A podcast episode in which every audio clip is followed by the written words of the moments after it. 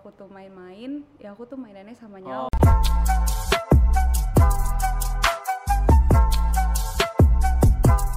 Yo yo yo, balik lagi di podcast Suara Next Gen. Nah, uh, sebelum kita memperkenalkan seorang wanita yang ada di samping saya, khusus kita undangkan jauh-jauh dari Jogja supaya, supaya kita dengarkan suaranya beliau. Oke, uh, teman-teman yang ada di rumah maupun yang di mana pun anda berada, teman-teman boleh di like, boleh di share dan juga di subscribe supaya kami lebih bersemangat lagi untuk menghadirkan narasumber yang kita mau dengar suara mereka. Oke, dan langsung saja kita perkenalkan seorang Nadia. eh nama fam lo apa? Eh fam kok? Nggak Nggak ada ya? nggak diak nggak ada di akte sih Nggak- ada di ada. akte ya eksklusif aja itu Oh, iya. nama aku Nadia Stefani Andika biasa dipanggil Nadia aja Oke, Nadia. Ya. Sebenarnya Nadia ini bukan bukan bukan orang baru sih di kita karena dia ini udah lama dari kecil malah ya. iya uh-uh, Cuman waktu itu sempat lama di di Jogja di Jogja. Kalau lo lebih tahu ngapain di Jogja Nat?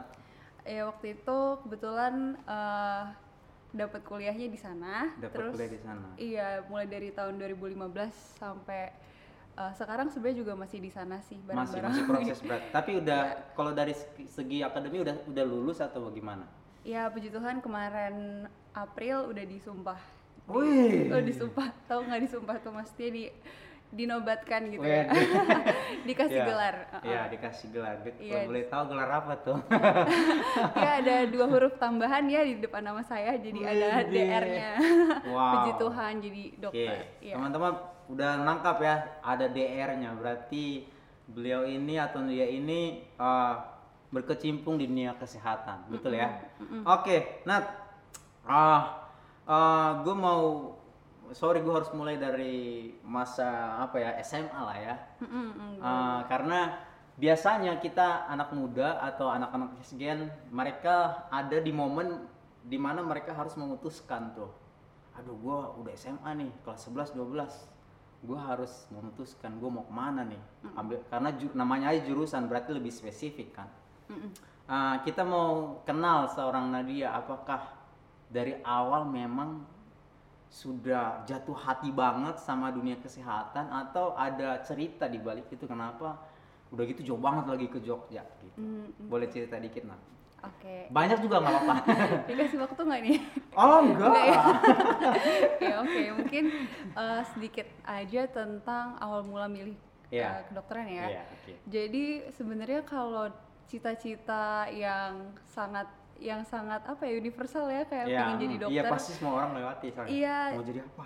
Iya, jadi dokter gitu dari kecil sih. Iya. Tapi eh, kalau misalnya udah yakin banget jadi dokter itu mungkin waktu hmm, sebenarnya udah mulai dari dari eh, saat waktu itu opaku tuh sempet sakit Mm-mm. sempet sakit jadi kayak sempet ada masa di mana waktu itu sering ke rumah sakit ngunjungin opa Oh, jengukin iya, iya. dan emang waktu itu juga keadaannya waktu sebenarnya masih sadar tapi kayak udah sakit gitu udah Iya, sakit yang iya. kata dokter juga ini harus di rumah sakit terus gitu Mm. perawatannya terus opa tuh sempet kayak ngasih semacam wejangan gitu gitu nah dia kamu kalau udah gede jadi dokter aja kayak gitu Oh. sebenarnya sem- cuma karena dari wejangan itu eh, aku tapi aku nggak langsung terima matang-matang Ah, sih iya, kayak iya. aku se- sempet kayak ngepoin juga dan kebetulan di sekolahku di SMA tuh memang di, sangat diarahkan untuk memilih jurusan tuh dari awal dari aku Mm, masuk mm, SMA mm, tuh kayak iya. coba kamu tentuin mau jadi apa dan memang lingkunganku tuh kompetitif gitu sih sebenarnya jujur Iya, iya. di SMA aku kayak yang mau jadi dokter tuh juga emang banyak dan Iya.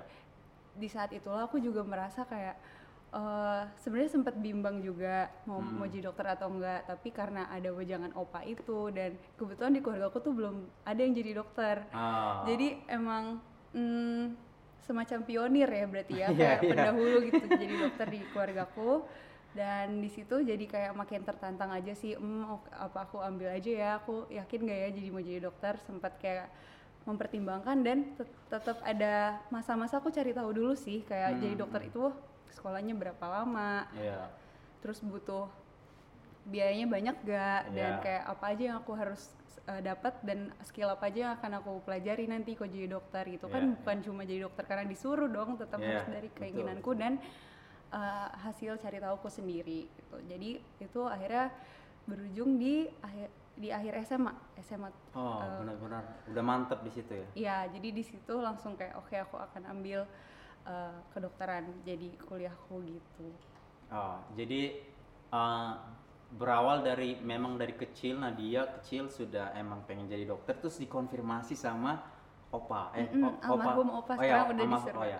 almarhum opa itu dari opa pihak uh, Mama. ma- mama Mm-mm, Oke. Tapi dari dari opa dari eyang kalau dari papa aku manggilnya eyang itu Hmm. juga sama sih. Jadi sama. emang dari keluarga papa sama mamaku tuh belum ada yang jadi dokter. Oh, jadi pengen dari iya, keluarga kita kayak ada "Hmm, pingin ah gitu karena aku tahu kayak semua orang tuh pasti pernah mengalami sakit gitu nggak sih dan kayak eh, ya pingin aja bukan sema- bukan nyembuhin ya yang Iya, nyembuhin itu iya. kan pasti eh, jatahnya Tuhan Yes. karena paling mengobati aja Iya. atau mencegah supaya nggak sakit betul gitu. betul oke um, uh, sorry Nat gue masih balik lagi ke masalah SMA Mm-mm. Uh, di gue dapat bocoran katanya lu tuh ada akselerasi di Oh, SMA awas iya, iya. oh, otaknya Dede itu seencer itu kah sampai kayaknya cuma dua tahun gitu boleh cerita nggak Iya, iya. emang wah ini lagi Iya, iya. btw otak tuh nggak encer oh iya ya sorry sorry, Gak apa, otak sorry. itu padat Gak ini susah nih berhadapan sama dokter nih susah nih Iya. semua terstruktur Gak apa, Iya, jadi iya. belajar juga kan Iya, iya. belajar anatomi dikit Iya, oke Nah, em, jadi eh, waktu Axel itu tuh sebenarnya ada latar belakang di mana eh, aku baru pertama kali masuk sekolah negeri itu di SMA. Karena SD sampai SMP tuh aku di sekolah swasta Kristen. yang dekat kita kan sini Iya. emang SMA-nya waktu itu bukannya di situ juga Oh enggak, aku Oh, SM bukan? bukan. Jadi jadi di situ nggak Iya. ada, di situ nggak ada. oh ya oke oke Nah, jadi waktu itu eh, sebenarnya karena udah pengen masuk kedokteran, ya dan di situ aku tahu kedokteran itu kalau swasta mahal ya kan Hmm, hmm. sedangkan aku masih punya adik dua mama Iya. papaku harus membiayai tiga Iya, eh tiga betul. anak dan itu nggak mudah Ya. jadi aku mau cari eh, kedokteran tapi yang murah maksudnya yang affordable berarti Iya, kan aku iya. carinya yang negeri Hmm. Nah kalau kayak gitu mau masuk kuliah berarti SMA aku harus negeri ya kan. Oh. Supaya masuk SMA negeri waktu itu aku SMP lumayan uh, semacam semangat dan bekerja keras untuk nilai UN-nya bagus dan puji Tuhannya dapet di SMA negeri di Jakarta. Ah, nah, Jakarta, ya. mm-mm, Jakartanya Jakarta Timur sih, jadi emang deket kan sama Bekasi Barat. Mm, mm, mm. Nah, terus di SMA itu ya biasa karena baru ber berkecimpung di dunia negeri yang Iya.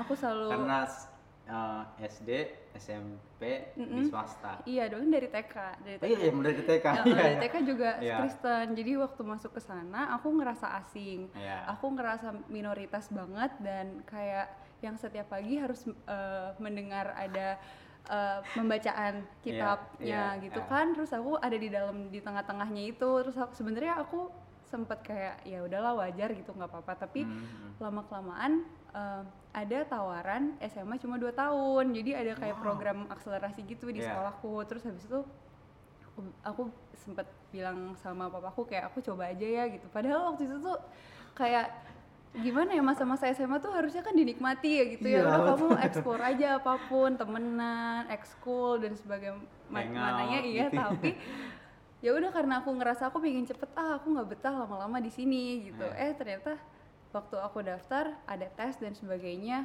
ya ya udah keterima gitu Hmm. ya udah jadi itu sih latar belakangku sebenarnya karena Oh. awalnya tuh aku nggak betah tapi ya lama kelamaan juga ya ya dilewatin aja sih dua tahun ya kerasa cepet banget ya bahkan Jadi kayak- benar dua tahun. Iya, sebenarnya bukan dua tahun loh, karena kan masuknya tuh Agustus, masuknya Agustus, lulusnya Hmm. April. Jadi kalau dihitung-hitung tuh sebenarnya 20 bulan, bukan 24 bulan. 20 bulan berarti kurang ya?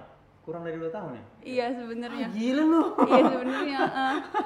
Makanya waktu itu kayak ya ampun kok bisa ya SMA cuma segitu. Jadi nggak ada nggak ada naik kelas ya udah belajarnya tuh terus. Misalnya matematika udah selesai udah selesai integral ya udah naik lagi naik lagi jadi kayak selalu ganti gitu nggak ada kelas kelasnya ini cara belajar gue kepo nih.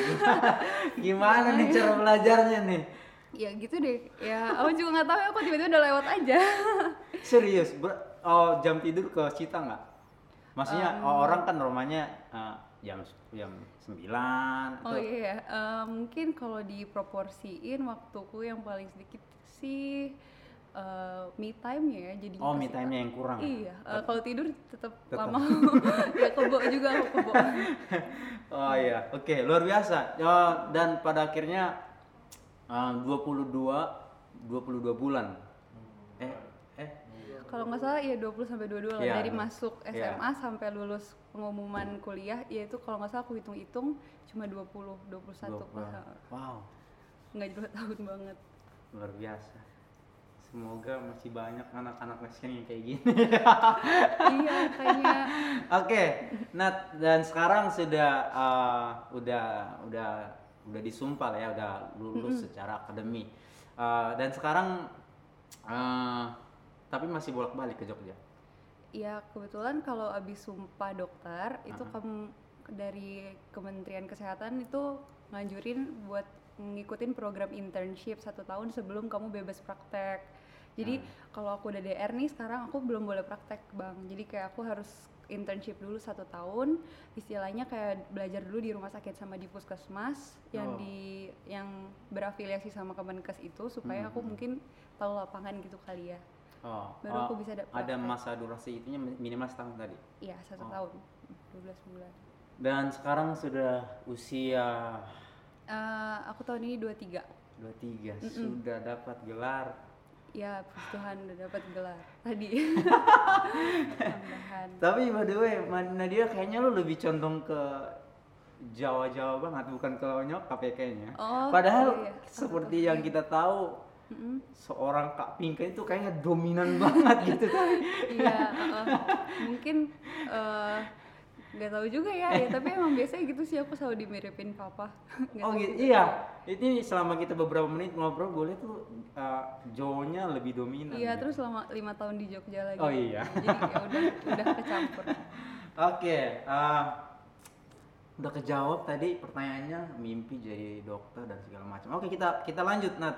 Uh, tadi kan gue pengen tahu tuh. Tadi kan sempat lo bilang ada masa lo uh, seperti apa ya? Ini bener gak ya? Gue seperti dan lo sempat observasi kan, aduh ini selidikin lagi, biayanya berapa, ininya berapa. Nah, gue pengen tahu tuh kegalauan untuk memilihnya tuh benar-benar uh, aduh bener gak ya?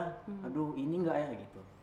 Eh, iya sih aku ngalamin masa-masa seperti itu. Apalagi kalau misalnya aku mengkategorikan diriku aku ini overthinking banget bang. Maksudnya kayak ya, iya sih aku kebo tadi aku lama kalau tidur. Tapi kalau tapi kalau misalnya kalau lagi mikir kayak gini tuh aku sampai malam juga sih tidurnya kayak sampai jam 12 gitu baru bisa nyenyak karena itu ada di pikiranku gitu suka Iya, iya. overthinking oke oke Nah, boleh kalau- ceritakan tuh itu Oh, ya kalau misalnya buat jadi waktu milih kuliah ini sih sebenarnya waktu itu aku pingin banget di eh, salah satu kampus yang di Depok itu tau nggak? Kam- di UI, Yang di UI. UI, Iya, iya. oke, iya, Pingin banget iya, di situ iya. karena kan namanya aja kayak udah mewakili negara Iya, gitu kan. betul, betul Terus sekali. jaketnya keren gitu, eksotis, Kuning. kuning. Terus habis itu ya geng, bergengsi lah gitu iya kan oke tapi waktu itu aku mm, ngerasa juga ya tadi lingkunganku tuh kompetitif bang di SMA Mm-mm, itu. Um, aku masuk Axel tapi uh, maksudnya kayak mungkin emang uh, teman-teman aku yang tadi aku bilang itu mereka juga banyak yang mau jadi dokter. Mm-mm, dan di UI itu emang kampus impian juga kan jadi Iya. uh, fakultas kedokteran favorit ya? Ya terus habis itu aku mm, waktu itu ya bersaing sih ya bersaing secara sehat Iya. juga. Dan waktu itu ya udah sih karena aku merasa UI itu kayak susah Iya. aku cari sebenarnya aku sih cari jalur aman itu bang karena UI itu waktu itu mungkin lebih tinggi dibanding UGM waktu tahun 2015 itu ya Ah, ah, ah. waktu aku milih kampus dia posisinya emang lebih tinggi jadi aku semacam kayak ngalah gitu ya udahlah biar aja temen aku yang rankingnya lebih tinggi dari aku ngambil UI aku ngambil UGM-nya Hmm. semacam ngalah dan sebenarnya agak kayak sayang juga sih pingin juga gitu di UI Iya, tapi iya. Ya udah semacam kayak cari jalur aman dan ya udah sih kayak keterima juga gitu di UGM-nya jadi ya tapi ya itu tetap ada konsiderasi sih. Bahkan waktu itu sempat ada konsiderasi gini Hmm. apa aku tetap UI tapi bukan FK melenceng dikit FKG kedokteran nah gigi. gue nggak ngerti tuh FKG tuh maksudnya gimana? FK tuh kedokteran gigi fakultas Oh. kedokteran gigi Oh tadi iya iya. sempat melenceng apa aku Iya, iya. kedokteran gigi aja ya tapi di UI karena saking pinginnya UI gitu loh Nama UI-nya tuh. Mm, nah tapi waktu itu ya udah ternyata kalau aku ya riset sedikit kan Iya, aku iya. searching searching kayak hmm, beda sih nanti kayak prospek kerjanya kalau dokter Mm. gigi mungkin kayak spesifik di gigi doang Iya. gitu tapi kalau kalau emang aku mau lebih luas lagi ya emang FK aja nat gitu toh sama-sama sekolahnya enam tahun juga dan ya udah akhirnya nggak UI tapi tetap sama jurusannya kedokteran Kalau di FKA apa tadi? FKA tuh oh apa? nggak FK FK FK. Kalau FK apa? Fakultas Kedok- Kedokteran. Kedokteran langsung. Oh. Mm-mm. Kalau oh jadi berarti kalau misalnya eh, gua nih, gua mau masuk kedokteran. Mm-mm. Jadi langsung oh, ada pilihan di depan gua ada pilihan nih, FK atau gigi ada lain-lain gitu maksudnya atau gimana? Kalau kedokteran itu FK sih kalau mau jadi dokter. Oh. Kalau mau jadi dokter gigi FKG. Oh gitu. Jadi, Tapi sama kan itunya tes tesnya tuh sama kan atau? Iya sama-sama aja. Sama-sama aja. Iya, tapi ya keluarnya beda. Satu satu jadi Iya iya. Oke luar biasa. Dan eh, seperti yang kita tahu eh, eh, dokter itu apa kuliahnya dokter itu lama ya. Hmm, lama. Ada nggak lu sempat merasa, duh Iya, pengen apa tuh? berhenti di tengah jalan? Ya bohong sih kalau aku bilang aku. Enggak, aku juga ada ada, Ada masa. Iya, masa kayak jatuh-jatuhnya. Eh, sebenarnya ini aku ceritain nih berarti. Iya, iya. oh. em, sebenarnya kalau masa jatuhnya itu karena pertama karena jauh sih dari keluarga mungkin Nah. ya. Jadi kalau aku misalnya lagi capek atau lagi Hmm. kayak eh, sedih gitu, ya aku Iya. balik ke kosan ya sendiri sama tembok doang. nggak ada orang gitu yang bisa aku ceritain gitu. Terus hmm, jatuhnya sih waktu itu sempat kayak ngerasa oh apalagi waktu udah masuk ke rotasi klinik rotasi klinik itu udah nggak di kampus bang jadi di RS jadi belajarnya udah di rumah sakit Oh, kan eh, empat tahun pertama tuh belajar di Kelas belajar gitu, teori ya, ya belajar. dua tahun terakhir itu koas namanya Hmm, jadi koas. kayak eh, keliling-keliling rumah sakit terus waktu itu tuh sempet eh, di stase kandungan jadi eh, di stase kandungan oxygen yang Hmm, melahirkan hmm. melahirkan Iya, iya, itu iya. waktu itu tuh sempat kayak bantu melahirkan gitu oh bantu berarti udah sampai situ ya? Udah mau iya waktu itu sebelum membantu. corona juga sih jadi Oh, iya, kayak oke.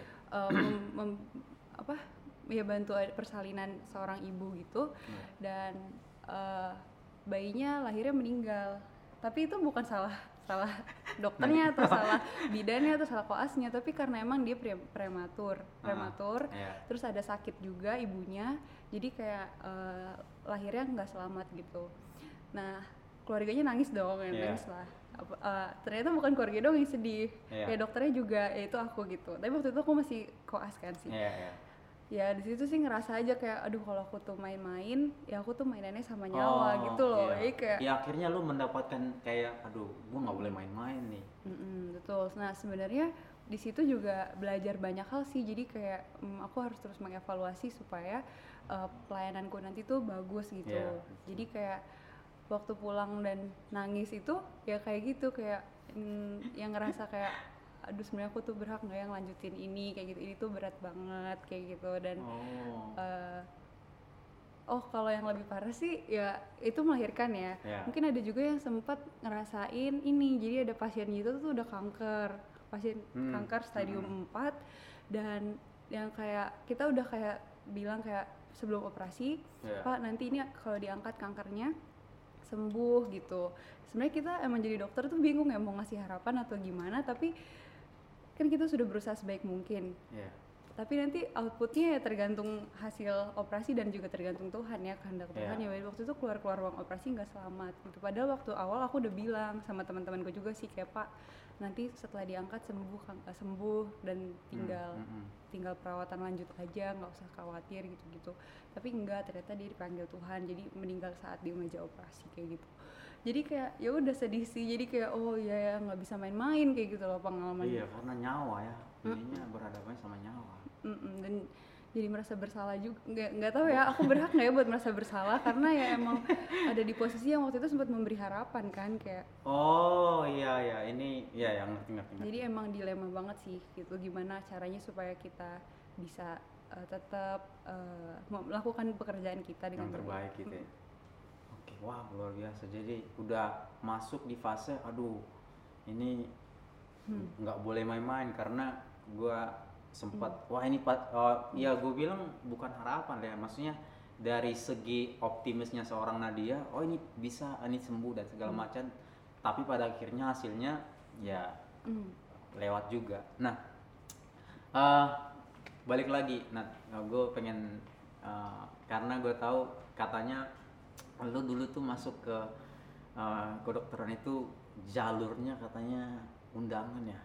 Iya kan ya karena ya maksudnya kalau dapat privilege undangan berarti itu tadi kali ya karena emang lu udah eh, 100% gue mantep nih.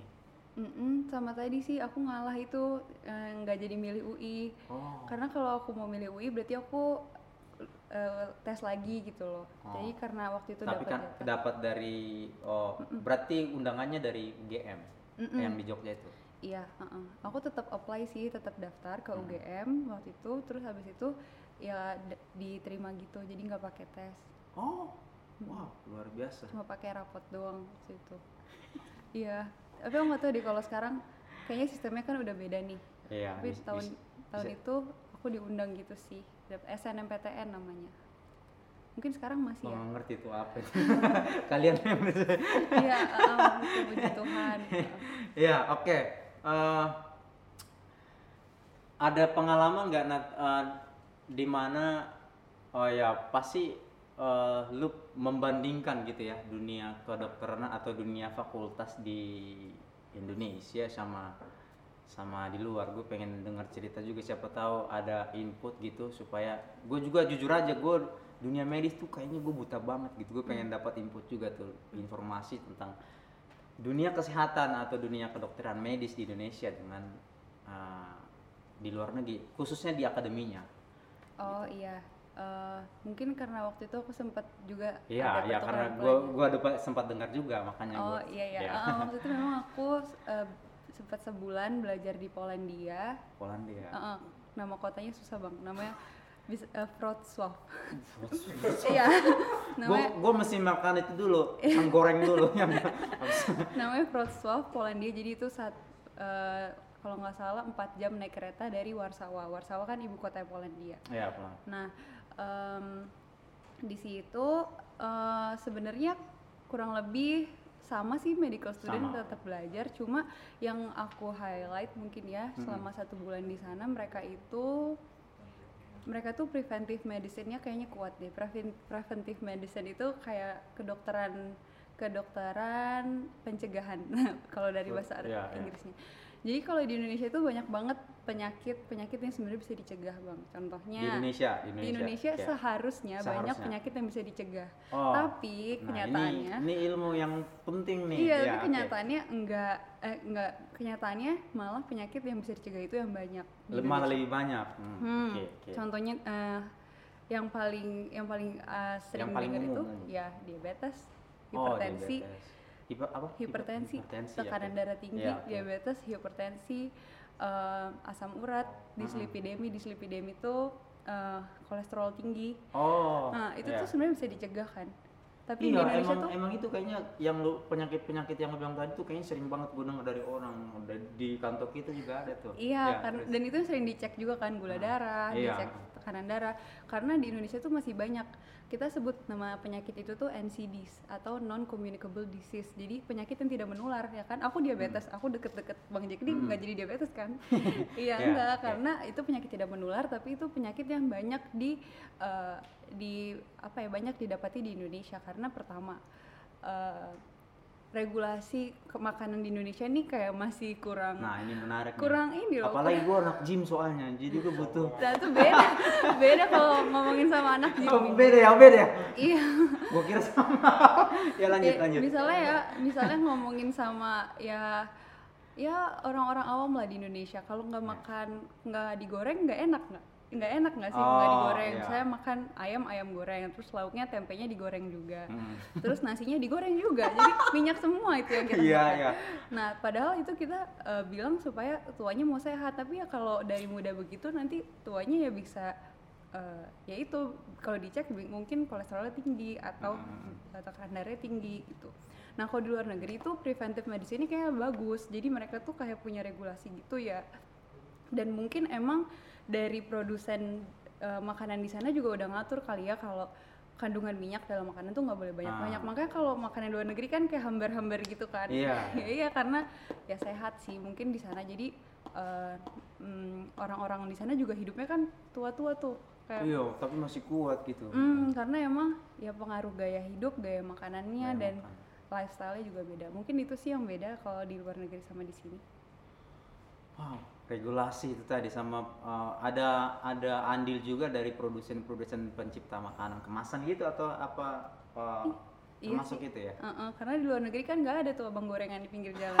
Nggak ada, Oh lu nggak nemu kemarin ya? Nggak ada sih. Nyari nggak? Nyari nggak? nggak, untungnya nggak ada. Parah banget sih Nadine, nyari gorengan nih. Nggak ada jadi. Nasi goreng tektok juga nggak nggak ada ya? Nggak, nggak ada. Ya mereka makanan ya, bahkan mereka kayaknya rata-rata masak sendiri. Jadi cuma beli di grocery aja, ya masak sendiri. Kayak bakarnya restoran di sana mahal-mahal bang di sana. Kayak sekali yang makan di restoran tuh nggak ada nggak ada semacam warteg gitu nggak ada. Jadi adanya langsung restoran yang fine dining gitu kan orang males makan di situ mahal. Jadi ya, lihat. Kayaknya gue cocok tinggal di Polandia. oh sama gaya hidup gue kayaknya ah luar biasa ini kaya banget nat. Oh, informasi yang lo kasih tahu ke kita. Nah eh, kayaknya udah dulu ya. Ah teman-teman gini teman-teman. Gue tadi dapat eh, input lah ya gue bilang. Eh, dan juga menurut gue ini baru buat gue bahwa eh, di mana apa tadi penyakit-penyakit yang bertebaran di Indonesia itu sebenarnya penyakit yang bisa dicegah. dicegah. Tapi kenapa yang bisa dicegah malah lebih banyak kita derita gitu? Nah itu itu salah satu ilmu yang bisa gue dapet tadi bahwa diabetes sama tekanan Darah tinggi. darah tinggi apalagi tadi? Kayak asam urat. asam urat. Gue berharap teman-teman Neskin di rumah jangan sampai mengidap penyakit-penyakit di masa muda yang kayak begitu. Itu sebabnya jaga pola makan. Itu ya tadi ya. Oke thank you Nat. Untuk part satu ini kita udahan dulu. Dan teman-teman yang ada di rumah silahkan di share suara yang sudah diperdengarkan oleh se- seorang Nadia dan sampai jumpa di episode selanjutnya